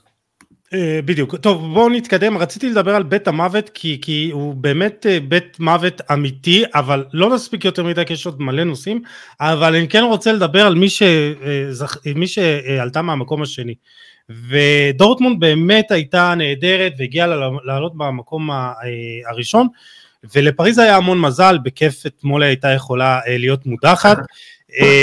מזל במילה יפה. מזל במילה יפה. אתה אומר שהיה יותר ממזל. אבל עזוב, שנייה, אה, אה, פריז עשתה את הדברים בצורה נכונה, הגיעה לים הזדמנויות וראית את ההחמצות של אמבפה ואת ההצלה האדירה הזאת של ניקלס אה, זולה. דרך אגב, שאלתי את העוקבים בדף אם אולי אני אחליף את הלוגו, את השחקן שבלוגו לזולו עם הרגל, זולה עם הרגל למעלה, אני שוקל את זה, אבל תקשיבו, לפריז היה המון חוסר מזל ו, והיא הקבוצה, רגע זה נעלם לי, היא הגיעה ל-XG של 13.3, היא שנייה רק לסיטי, אה, שלישית רק לסיטי וריאל, והבקיעה רק תשעה שערים, זה מקום 11, אז אני לא הייתי ממהר כאילו להגיד שהיא לא מהמועמדות הבולטות, ואני חושב שאם יהיה לה קצת יותר מזל, תהיה יותר חדה מול השאר, אנחנו כן רואים אותה יכולה להגיע עד, עד חצי גמר והגמר, אה, כי, כי, כי צריך לפעמים קצת מזל, והיא עושה את הדברים נכון. אם, אם אתה לא טוב ולא מנצח כשאתה לא עושה את הדברים נכון, אז יש פה סיבה לדאגה. היא עשתה את הדברים נכון, היא עשתה את הדברים בצורה טובה, אה, גם חוסר מזל, גם קובל היה ביום טוב אתמול, אז כלומר, הייתי אומר רק צריך קצת עוד טיפה ביטחון ולעבוד מול השאר, וכאילו יהיה בסדר, זאגה. אני כן, אני בתחילת העונה אמרתי עליה, מגיע לגמר בכלל באמת. על הנייר בעיניי עשו, עוד פעם, לפני העונה בטח, עשו מהפכה יפה שם, עם שחקנים צעירים, עם שחקנים רעבים, אה, כמו גונסלו רמוס, קולו מואני באמת, גם דמבלה שככה הגיע לצרפת סוף סוף ורוצה, לפחות היה נראה שהוא רוצה ככה להצדיק את עצמו, בקישור יש המון איכות, בין אם זה ויטיניה או גרטה שהגיע, פביאן רואיז, סולר, אני, אני אוהב את ויטיניה, מרי כמובן, אה, שעושה דברים מדהימים, על הנייר, ובטח אה, בהגנה צירפו את אחד הבלמים האהובים עליי, שקריניאר, יחד עם מרקיניוס, לוקאס הרננדס, קימבפה, ולוקאס הרננדס, ולוקאס הרננדס נכנס כזה בבלם שמאל, הוא שומר כזה על איזה מין מערך שלושה בלמים, וכאילו יש איזון בקבוצה הזאת, אתה רואה את חכימי הרבה יותר חופשי למעלה כן. לפעולות שלו, אה, וזה עוד לפני שדמבלה בעניינים, כלומר, כאילו פצוע וזה, אבל אני, אני חושב שהיא מאוזנת, אני חושב שהיא משחקת כדורגל טוב, ו, ועם קצת מזל, אז זה היה נראה אחרת. או, או פשוט נגיד באמת אחרת, פחות חוסר מזל, כי אין לה מזל פשוט, כמו שאתה אומר, XG 13 ותשעה שערים, כאילו זה, זה, זה לא שהם באמת כל כך לא יעילים ושחקני התקפה גרועים, אלא פשוט אה, כל, החוסר מזל שלהם אה, התלכד ככה שם, ובסופו של דבר אה, הם היו צריכים לעלות מהבית, הם באמת היו אחת משתי הקבוצות הטובות יותר. יוני, אה, מה, מה דעתך על פריז? כאילו זה, דיברנו לא מעט, ואני חושב שה... השנה הם עשו שינויים ברכש, באסטרטגיה, אה, זה נראה יותר טוב. כן, יש סתירה מסוימת, כי סוף סוף הם מתחילים לעשות דברים נכונים בניהול המקצועי, והדברים האלה לוקחים טיפה זמן. מצד שני יש את הכדור המתקתק של אה, אמבפה. האם אמבפה מאמין ומאמין במה שהם עושים בפרויקט הזה, או שזה באמת שנה אחרונה שלא שם, שהולך לסבך את המועדון הזה, לאבד את הנכס העיקרי שלו. ופה בעצם החשיבות של העלייה פה של ההפלה. כי אם היה קורה מצב אתמול שפריס חשבתי על זה אתמול בדיוק. לא הייתה עולה, זה היה אסון למועדון, ואני כן חושב שהדרך המקצועית הזאת היא הרבה יותר נכונה, לא להביא שחקנים שמות גדולים, אני חושב שהעזיבה של נאמר רק שיפרה את המועדון, גם ברמת המקצועיות שלו, גם ברמת התתמית שלו, גם ברמת מה שמשדרים, אני כל השנים אמרתי, יש כל כך הרבה כישרון למה לא מעלים שחקנים צעירים מתוך המועדון? ואנחנו רואים אה, אה, אה, את מה שאמרי עושה את זה וגם אם לא אוהבים את קטר ולא אוהבים את הילדים האלה צריך להפריד זה פשוט כיף לראות ילד שחקן כזה צעיר בגיל 17 מוביל את המועדון הזה הוא אחד השחקנים המשמעותיים. אני כן מאמין אבל יש פה סימן שאלה גדולה על אמבופה האם הוא מאמין בפרויקט הזה האם הוא מאמין ששם הוא יכול לעשות דברים גדולים אה, וצריך להבין שיש הבדל גדול, לואיס אנריקה אמר את זה אתמול, מה שראיתם עד עכשיו, זה לא מה שתראו בפברואר, מאמנים טובים לאורך זמן, משפרים את הקבוצה, מצליחים להביא את הבסיס שלהם, זה פרויקט שנבנה מחדש, אה, אני חושב שמסוכן מאוד, מי שיקבל את פריס סן ג'רמן, זה משחק מסוכן מאוד, צריך לראות איזה הגרלה הם יקבלו, אם יקבלו את ביין. נדבר על ההגרלה בהמשך, אבל אני צופה להם את ביין מינכן. אם יקבלו את ביין זה יכול להיות קצת קשה, או כן. סיטי או ריאל, אבל יש להם את הכלים שלהם. אני חושב שהדבר הזה, הכותרות על אמבפה יתחילו עכשיו לעלות. אם הוא יחדש זה ייתן המון בוסט לקבוצה, לחיבור של הקבוצה, לחיבור של אני חושב שהוא יחכה עד סוף העונה ואז אנחנו כן... ואז זה ייצר הרבה רעש והרבה חוסר כן. שקט והרבה בלאגן והרבה צעירים שם שלא בטוח. צריך לזכור, שנתיים האחרונות הם הפסידו טעויות קשות של השוער, דונה רומא, אה, שדיברו עליו הרבה, אכזב במאני טיים, גם טעויות מול ריאל מדריד שהוא איבד כדור, טען לעבירה, גם שנה שעברה ברחו לו כדורים מהיד. נכון. אה, צריך בסוף אה, ניסיון, ואם אני מחבר את זה לדברים אחרים בבית הזה, ראינו את ניוקאסל, קבוצה טובה מאוד, ששיחקה כדורגל טוב, אבל חוסר ניסיון השפיע, והם סיימו בדקות מעטות לא טובות, סיימו במקום אחרון. אה, צריך גם ניסיון במפעל הזה, אנחנו רואים ששנה כן. אחרי שנה, הגדולות תמיד מצליחות להגיע בזכות הניסיון, העבר, המגרשים הביתיים לשלבים הגדולים, ולחדשות עם הכסף הגדול כמו סיטי, בפריז לוקח כמה שנים לעכל ולהבין מה נדרש כדי להביא תוצאות. סיטי במאמן חדש, רעיונות חדשים, בניהול הרבה יותר טוב, אבל יש פה שאלה עם אמבפה שיכול להעיק או להפריע להישגים השנה. אז, אז הזכרת את ניוגסל, היא גם חווה בעיות ב, בליגה ואנחנו רואים אותה גם מתקשה, אז, אבל עושים שם את הדברים בצורה מאוד שקולה, אז, אז אני חושב שייקח להם זמן ויכול להיות שגם בסופו של דבר הם, הם יחזרו לליגות אלופות בעונה הבאה.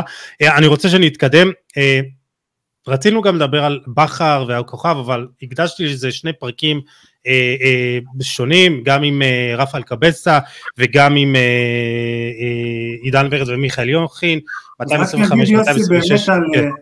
על המחווה שלו לאיתן יהלומי, אני מניח שלא נכון. דיברת על זה.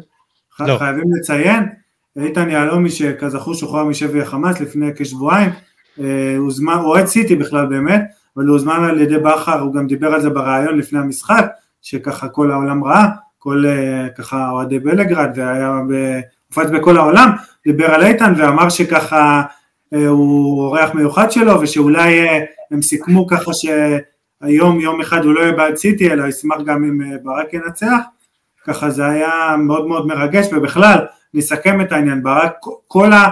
אולי החלק הכי חשוב והכי גם מוצלח שלו במסע בצ'מפיונס זה ההסברה הזאת לטובת ישראל, ניצל את זה בטירוף ומגיע לו כל הכבוד לגמרי. כן, נקודה אחרונה, אה, בשבוע הבא, יום רביעי, הדרבי, המפגש הראשון נגד פרטיזן, אה, ביום רביעי, אה, במגרש של פרטיזן, דיברנו על האם התפקיד שלו בסכנה, אז הוא, הוא יגיע לשם, והרבה יהיה תלוי מה הוא יעשה שם. הפסד, ואני באמת כאילו לא אופטימי, אה, אבל ראינו שפרטיזן די, די פישלה בשני המשחקים האחרונים, אה, שלושת המשחקים האחרונים יש לה שני הפסדים.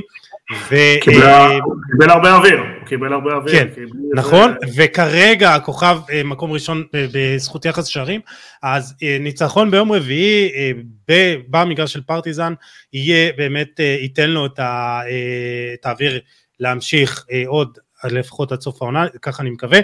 בואו בוא נתקדם לאוסקר גלוך אה, ונדבר על הקמפיין שלו, רדבול אה, זלצבורג הייתה בבית קשה מאוד יחד עם אינטר, סוסיידד, בנפיקה ובסוף מי שסיימה מקום ראשון הייתה סוסיידד אה, כמו שאמרנו. ושלשום זלצבורג מפסידה 3-1 בבית לבנפיקה, אוסקר מבשל את השוויון הזמני, הוא מסיים עם שני שערים ובישול אחד. אה, יותר מכל שחקן אחר בקבוצה אה, הוא אה, מוביל את קבוצתו גם בסחיבות כדור מקדמות, במסירות מקדמות כדור, מקום ראשון במסירות מפתח למשחק, הוא מוביל בבעיטות למסגרת וגם מקום שני במסירות לשליש המגרש ההתקפי. מצד שני ואני חושב שזו הנקודה העיקרית וזה גם מה שיכול להשפיע על העתיד שלו הוא מוביל את הקבוצה בעיבודי כדור, 12.7 עיבודי כדור בממוצע למשחק, והפנדל במשחק מול אינטר אה, הגיע בעקבות עיבוד שלו. אה, אז, אז ככה, זגה, אני יודע שאתה צריך לסיים, אה, מתי, בוא תסכם לי את הקמפיין של אוסקר. כן, אז באמת לפני שנראה את הקמפיין של אוסקר, האמת שסיכמת מצוין, מעורב ישירות כמעט בכל השערים של הקבוצה שלו. אבל נכון. בדיוק, הדגשת את זה וזה נכון, יותר מדי עיבודים. יותר מדי עיבודים, כמה מהם גם עלו בשערים או באיומים לשער של היריבות, הוא חייב, אה, אם, אם הוא רוצה באמת אה, לא רק להגיע לקבוצה גדולה או לליגה גדולה, גם להישאר שם ולהתייציב שם, להיות קצת יותר מדויק ב, גם בפעולות הקטנות האלה. בפעולות החשובות הוא לרוב דווקא מצליח, מצליח אה, לעבור את השחקנים, מצליח לכבוש, למסור, ולפעמים יש לו את המסירות האלה הרגילות במרכאות, אה, שאותנו הוא מפספס ומאבד ומוביל למתפרצת של היריבה, ובסיכומו של עניין תמיד נראה לי ש, שנשמח מקמפיינים כאלה, עם שני שערים ובישול, בטח כשהוא רק בן 20, נכון? או 19 אפילו? 19? אז עוד יותר, אז בגיל 20 הוא בטח יעשה יותר, וככה שמיים עם הגבול בשבילו. אה, צריך גם אה, לזכור שאוסקר אה, מגיע קודם כל לחממה הטובה ביותר של פיתוח שחקנים, זה דבר ראשון, אבל מצד שני גם קבוצה שמאבדת מה, מהקאדר שלה הרבה שחקנים בכל שנה, רק בעונה האחרונה היא איבדה ארבעה חמישה שחקנים, בנג'מין ששקו ועוד כמה ששכחתי את השמות שלהם כרגע, אבל אז, אז זה לא קל בכל פעם להגיע לקבוצה חדשה ולהתרגל, אז גם פה אנחנו רואים את הבעיות שלה גם בליגת האלופות, גם קצת בליגה, אה, אז, אז כן יוני. לא, קודם כל אני לא יודע אם יש בעיות, זו בסך הכל קבוצה מאוסטריה שעושה כל שנה ליגת אלופות, זה, זה הישג, זה לא חוסר הצלחה, אבל כן. לא, כן, לא, זה... מצד שני, מצד שני, כשאתה מאבד את נועה או כפור, ואת בנג'מין ששקו, קיצור, שחקנים משמעותיים אז... השוער ומכור הרבה כן. דברים, אבל... השוער, נכון. היו דקה אחת מליגה אירופית ולהדיח את בנפיקה שזה הישג עצום. יש גבול למה שאתה יכול לעשות בקבוצת פיתוח שזה ילדים בני 19-20, רובם, שכל שנה, כמו שאתה אומר, מחליפים שישה, שבעה שחקנים. יש המון שחקנים שגדלים שם ואפילו מצליחים בקבוצות אחרות. אתה רואה שגם שטורם גראץ, לך תבדוק, תראה שזה חצי שחקנים שגדלו באקדמיה של סברטבורג, יש המון כישרון שגודל שם, אבל כן, כל שנה קבוצת פיתוח, זו הגדרה של קבוצת פיתוח, והחלק השני של זה, שקשור לאוסקר, ילדים האלה בסופו של דבר יש המון עליות וירידות, יש המון דקות טובות והמון דקות שהם, שהם פשוט מתעסקים, זה דבר טבעי ל, ל, ל, ל, ל, לגיל הזה. לא הרבה שחקנים בגיל 19 בלינגהם שמוכנים בכל דבר. רוב השחקנים בגיל הזה נותנים חודש טוב, חודש פחות טוב, דקות טובות, אצל גלוך זה בולט, יש רבע שעה שהוא נותן מדהימה ויש רבע אה, שעה שהוא נותן, אבל זה גם קשור לסגנון. שרדו זלטבורג משחקת מול קבוצה יותר טובה ואתה בעצם אוסקר 60 מטר מהשאר, הוא לא יכול לבוא לידי ביטוי, הוא צריך שהקבוצה תהיה שווה ליריבה שלה, או טיפה יותר טובה כדי להביא את היכולת להיות 20-30 כדור מטר מהשאר כדי לעשות את הדברים שלו. שהוא 60 מטר מהשאר קשה לו לבוא לתת איזשהו פתרון אה, למשחק שלו, אני חושב שהוא עדיין לא בשל בגלל כל הדברים האלה למעבר שלו, דיברת על אסטון וילה, או היינו אמורים לדבר על אסטון וילה, אני חושב שיש שם שחקן ברמה גבוהה מאוד שמוביל את הקבוצה, זה טילמנס, שהוא הקשר מתחת לחלוץ שהוא משחק, הם משחקים רק עם חלוץ אחד, אין שם הרבה מקום, אה, אני גם לא רואה אותם משלמים, אני לא רואה אותם משלמים 40 מיליון, כי הוא עדיין לא תוצאה, יש לו עדיין קפיצה, דיברת על אוסקר שהוא הגיע, אבל חצי שנה ראשונה הוא כמעט ולא שיחק, הוא כמעט ולא היה ברמה, אנחנו רואים שיפור גם בדברים אחרים כמו ההגנה שלו, הלחץ שהוא מבצע, לפחות הניסיון ברמת הרעיון שהוא מאבד כדור, הוא רץ, מנסה להשתלב בקבוצה, אה, אני חושב שיש לו עוד הרבה מה לתת ועוד הרבה מה להשתפר, יהיה לי מוזר לראות אותו, כלומר, אם תהיה הצעה כלכלית גבוהה, ימכרו אותו, כי, כי זה הרוח של המועדון, ויש מחליפים כבר מוכנים אה, להיכנס לתפקיד שלו, אחד מהם דרך אגב יותר גדול ממנו אה, אה, בגיל, אה, זה הקרואטי, שדרך אגב הדקות הטובות זה היה שילוב שלהם, הם הצליחו למצוא שני מספרי עשר שמשחקים אחד ליד השני, אה, צריך סבלנות איתו, הוא רק בן 19, הוא שחקן ענק, הכי גדול שגדל בדור הזה ויש כמה שחקנים מוכשרים, אני אוהב את ההתפתחות שלו, אני אוהב את מה שהוא עושה, אני אוהב את השחקן הזה, אני אוהב את הסגנון הזה, אני אוהב שחקנים שלוקחים סיכונים, אבל שוב, צריך גם למצוא את הקבוצה הנכונה, כי לא הרבה משחקים עם העשר, ולא הרבה נותנים לעשר לשחק, ולא הרבה ייתנו לילד בן 19 את ההזדמנויות, ולא הרבה יהיו סבלניים על עיבודי כדור וספיגות. נכון. זה נתון שחייב לשפר. אז, אז, כן, לפני, כן. ש... אה, לפני שזאגה ירד, אה, אז כמו שיוני אמר, דיווח בפוטבול אינסיידר, אני, זה מקור לא כל כך אמין, אז לא הייתי רץ כאילו להסתמך עליו, ובאמת כאילו דיברה שם 40-50 מיליון ליש"ט סטרלינג על אוסקר כבר בינואר, אז ככה, אה, נקודה אחרונה שלך, זאגה, לפני שתרד, מה דעתך על זה? אה, אוסקר לווילה, אה, לדעתי מוקדם מדי. אוסקר בכלל, אתה יודע. לדעתי מוקדם מדי לכל מקום, חייב להישאר בזלצבורג עוד מינימום חצי עונה, אני הייתי אפילו קצת יותר נשאר. עוד פעם, הוא רק בן 19 עדיין, מבחינת המסלול שלו, יש לו עוד זמן, גם מנור היה בשכתר, לדעתי, לדעתי קצת יותר משנתיים, אבל גם עם שנתיים, זה היה בגלל המלחמה עוד, הוא היה נשאר כנראה עוד טיפה, כן. היה שם סיטואציה מוזרה, אה, הוא צריך עוד להתבשל, וזה אולי הקבוצה הכי טובה בעולם אה, להתבשל נכון. בה. אה, רועי זגה, הפוד על הכדור, תודה רבה היית לנו לעונג. תודה יוסי, תודה ליוני גם, וככה אני כבר קיבלת עוד האזנה, כי אני אשמע את הדקות האחרונות שלכם שוב. יאללה, מעולה. אז, אז יש לנו עוד קצת לדבר על אוסקר, אה, זגה להתראות. יוני, אני, אני, אני חייב אה, ככה עוד נקודה אחרונה לגבי אה, אה, אוסקר, ואני חושב שזה באמת אה, מוקדם לו, מוקדם לו גם אה, עדיין פרמייר ליג והכל, ו, וצריך לזכור ששחקנים שיצאו מסלזבורג ישר לפרמייר ליג או ליגות בחירות, לא כל כך הצליחו, ואולי השחקן היחידי ש, שעשה את זה בעשור האחרון היה סעדיו מאנה, שהגיע לסאות'מפטון ב-2014 אם אני לא טועה, תמורת איזה 28 מיליון אירו, אה, הוא שמה, אבל אתה רואה שחקנים שלא כל כך הצליחו, ומי שעשה את המעבר קודם כל לבונדסליגה, אם זה ארלינג הולנד ודומיניק סובוסליי, אה, וגם אה, אה, קייטה, נבי קייטה, כלומר היו כמה שחקנים שעשו קודם כל את המעבר לבונדסליגה, אם זה ללייפציג, דורטמונד או כל קבוצה אחרת, ורק אז עשו את הקפיצה, ואני חושב שזה הדבר הנכון עבורו. אה, רונדור ידידנו, הסקאוט, אה, הוא פשוט אמר שהקבוצה הכי מתאימה לו כרגע זה ארבי לייפציג וצ'אבי סימונס משחק פחות או יותר באותם שטחים סימונס כנראה לא יישאר בלייפציג בעונה הבאה, אז אם כבר לעבור, אז זה לעבור ללייפציג, או אולי הייתי אומר אם אה, צ'אבי אלונסו נשאר בלברקוזן, אז אה, שהוא היה מחליף של פלוריאן וירץ. כן, כן אבל אתה נכנס פה, לברקוזן אתה נכנס פה לאיזשהו סיבוך של, שהם לא אוהבים לחזק יריבות ישירות, אבל זה כן יכול לקרות, כי, בדיוק. תראה, יש פה איזה עניין של פיתוי. מצד אחד אין הרבה קבוצות. למרות שהולנד עבר לדורטמונד, אתה יודע, בסופו של דבר. כן, כי בסדר, כי היה לו הסכם סעיף אה, שחרור אה, אה, בחוזה, ואין מה לעשות, בסוף כן. השחקן סעיף שחרור יכול לעשות מה שהוא רוצה. אבל יש הבדל בין מה המועדון רוצה לבין מה שזה. מה שאני רוצה להגיד שבצד צד אחד אין הרבה קבוצות שמוכרות כישרונות במחירים מפתים. שזה 20-30, איזה, אז תמיד מפתה לקחת עוד שחקן מזלצבורג, כי זה נורא קל, אתה בא שם סכום יחסית גבוה עבורם, אבל עבורך הוא לא גבוה. לקנות שחקן לאנגליה ב-20 מיליון זה לא, זה לא סכום גבוה, מה לעשות, כל, כל קבוצה קונה שישה שבעה כאלה, אז זה מאוד מפתה. מצד שני, נכון, יש פה עניין של חוסר אה, בשלות, שהרבה שחקנים מנסים לעשות קפיצה יותר מדי גדולה.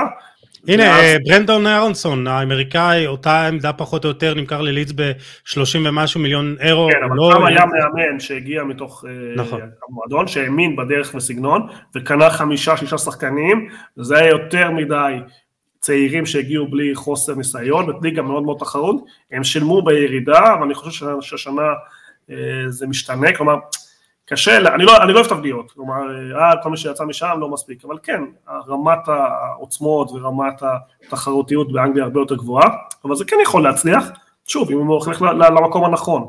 אם הוא הולך לווילה אז הוא יהיה מחליף של, אז זה אומר שכמה משחקים בעונה הוא צריך לשנות ולהבקיע, זה הציפיות יהיה ממנו, אף אחד לא מצפה ממנו בגיל 19 להחליף את uh, טילמן שהוא אדיר. השנה, הוא היה אדיר גם בלסטר, זה פשוט היה סכסוך בינו לבין המאמן, כלומר כאילו מתנה מאלוהים לקבל שחקן כזה בסכום שהם קיבלו אותו. אז בגלל זה המעברים האלה הם טבעיים, אני כן מסכים איתך שלאוסקר הדבר הנכון הוא לעבור בשלבים, הוא לחפש, יש לו עוד הרבה מה לתת שם, הוא לא נתן שם מספיק, תסתכל על הנתונים, הוא אפילו לא פתח את העונה בתור שחקן הרכב, אה, הוא כן עושה את הקפיצה. אז לפחות להישאר עד סוף העונה הזאת. הכל תלוי ב... ב, ב, ב אני, לא, אני לא יודע על נוסחה כזאת, אם בסוף העונה אתה תראה שחקן בשל, שכל משחק לוקח על עצמו, כל משחק מפקיע, בוא, אנחנו ראינו שחקנים אפילו פחות טובים מאוסקר, מפרקים את הליגה האוסטרית, אם זה שון וייסמן, אם זה אפילו אה, תאי בריבו נתן אה, דו ספרתי, היה שם שחקנים כמו קיודה שנתנו אה, דו ספרתי, הליגה הזאת היא ליגה התקפית, ושחקני התקפה מביאים מספרים, והמספרים של אוסקר הם סבירים, הם לא, הוא לא מברק את הליגה שם, אבל אה, צריך לשפר דברים אחרים, אה, כמו האגרסיביות שלו, אין מה לעשות יוסי, אי אפשר אה, לשחק רק התקפה, אי אפשר רק שקבוצה תשלוט בכדור והוא יבוא עסק סתמים. אז אם ככה זה יהיה, אז הוא יהפוך לשחקן מה שנקרא משלים, או למחלפה, לדקות מסוימות, לחלק לא, בקטע הזה אני לא יודע, כי יש לו את זה בטבעיות, הוא לא שחקן כן, עצלן. אבל, אבל אם אתה משחק, אם תיקח אותו לקבוצה נניח מאמן הגנתי, שאוהב לשחק מעברים, אין לו, סביר להניח שהוא לא יביא את היכולת שלו לידי נכון. ביטוי. בוא נגיד ככה, הוא לא צריך לעבור לשם מלכתחילה, כן? זה כבר... נכון, אבל לפעמים, אתה יודע, זה סיטואציות כלכליות, זה הצהרות טובות, זה פיתוי, זה לבוא למאמן שמאמין בך ואז מאמן מתחלף, זה קריירה של שחקנים, כן. הוא עדיין ילד, בגלל זה אני אומר, צריך להיזהר בהצהרות ובהערכות. אני חושב שזלצבורג זה המקום הנכון, הייתי ממליץ לכל שחקן אה, צעיר לעבור שם. הם באמת עושים קסמים כל שנה להביא עשרה ילדים חדשים ולהצליח להעביר אותם דרך הקבוצה בליגה שנייה, והרוב מצליחים. אני באמת ממליץ לך להסתכל קצת על קבוצות מתחרות בליגה האוסטרית שעושות עונות טובות, תסתכל, זה מפתיע, שלושה ארבעה שחקנים שגודלים בכל קבוצה באקדמיה של אוסטריה ואין מקום אה, לקדם את כולם. כמו שרון אמר, הרבה עוברים ללייפציג וכן מצליחים לבצע את הקפיצה, אני חושב שלייפציג קבוצה נהדרת, מקום שלוש, שתיים, אה, עשתה שתי גביעים, משחקת כדורגל התקפי חיובי, המגרש המפוצץ, אה, פרויקט נהדר, ומשחקת גם בליגת אלופות באופן קבוע, אני חושב שהניהול כן. המקצועי במועדונים האלה הם ברמה הכי גבוהה, ואני אני, אני מופתע שכל שנה מצליחים מחדש, אה, אה, אה, אבל תראה, גם הרבה שחקנים גרמנים טובים בגיל 17-18, בוחרים את הדרך הזאת, ראינו את אה, השחקן של דורטמונד שהבקיע אתמול, ברח לי יוסי, עדיאמי, אה, בעצם בוחר לעזוב אה, מחלקת נוער ולקדם את הקריירה שלו דרך לזלצבורג, אנחנו רואים עוד שחקנים שעושים את זה בשנים האחרונות, לא כולם מצליחים, אבל הרוב מצליח, כן. גלוך. מה, מה, לא, מה לא, עובד לא. שם, הם, הם עושים שם, הם עובדים יפה, יש להם קבוצות בת ויש להם סקאוטינג ענף ויש להם אה, מתקן אימונים אדיר באמת בצורה עולמית.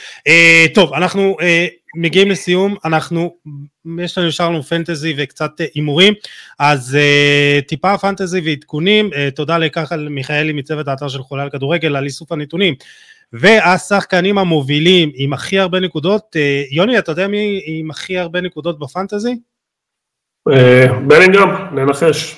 לא, בלינגהם רק שלישי, גלנו, אה, הכנף הברזילאי של אה, פורטו עם אה, ארבעה שערים ושלושה בישולים בחמישה משחקים. קיין שני עם 38 עם ארבעה שערים ושלושה בישולים, בלגים שלישי 37, סאקה רביעי עם 36, הולנד ומורטה ביחד עם 35 נקודות, אוסקר שלנו מאוד מכובד עם 24 נקודות וזה באזור המקום ה-25-30 אז גם בעונת אה, בכורה שלו בפנטז, בעונה הזאת בפנטזי הוא בסדר גמור. אה, בליגה של חולה על כדורגל, אה, מ"ס קדמי עם מקום ראשון עם 343 נקודות והוא מקום 131 בארצי אז מ"ס קדמי אם אתה שומע אותנו תשלח הודעה אנחנו מאחוריך ומחזקים אותך מ"ס מנדלבאום ניב פלד 330 נקודות וגם עזרא, go home, אה, עם 330 אה, נקודות. בקיצור, בהצלחה לכם חברים, ואם אתם רוצים אה, להצטרף לליגה של חולה על כדורגל בפנטזי, עדיין אפשר, תשלחו הודעה. טוב, הימורים ותחזיות, נעשה את זה זריז, זה יוני, הקבוצה עם הכי הרבה סיכויים כרגע לזכות בליגת האלופות על פי אופטה, היא מנצ'סטר סיטי עם 27 אחוזים, ריאל מדריד אה, במקום השלישי עם 14.10, אה, ביין מינכן אה, שלישית 12.25, לא דיברנו עליה היום ארסנל, מקום רביעי 9.38 ואז אינטר, אתלטיקו, פריז סן ג'רמן, בורסיה דורטמונד והקבוצה במקום האחרון היא כמובן קופנהגן עם 0.02 אחוזים. אז יוני מה דעתך על התחזיות הללו? מכיר את הדעה שלי, בדרך כלל אה, דווקא הראשונה לא זוכה, בדרך כלל הקבוצות 2-6 אה, הם אה, אתה רוצה שמקום שני תזכה. כן, בדרך כלל הקבוצות האלה, 2-6, הן הכי מסוכנות. אולי תצטרך ללכת 20 שנה אחורה כדי לראות קבוצה שלא הייתה באזורים האלה שזוכה. בסוף בליגת אלופות, שזה בית חוץ, זה לא בדיוק ליגה, זה לא תמיד הכי טובה, זה הרבה תלוי בכושר שהם יגיעו ובחודש, דווקא ראינו את אינטר עושה שעברה קמפיין אה, מטורף וזלזלו בה ואנחנו רואים היום שזה לא מקרי, זו קבוצה מאוד מאוד איכותית. אה, יכול גם הגרלה קלה, ראינו שנה שעברה דווקא, ש, שקצת אחד היה מאוד מאוד חזק, מצד שני היה פחות טוב.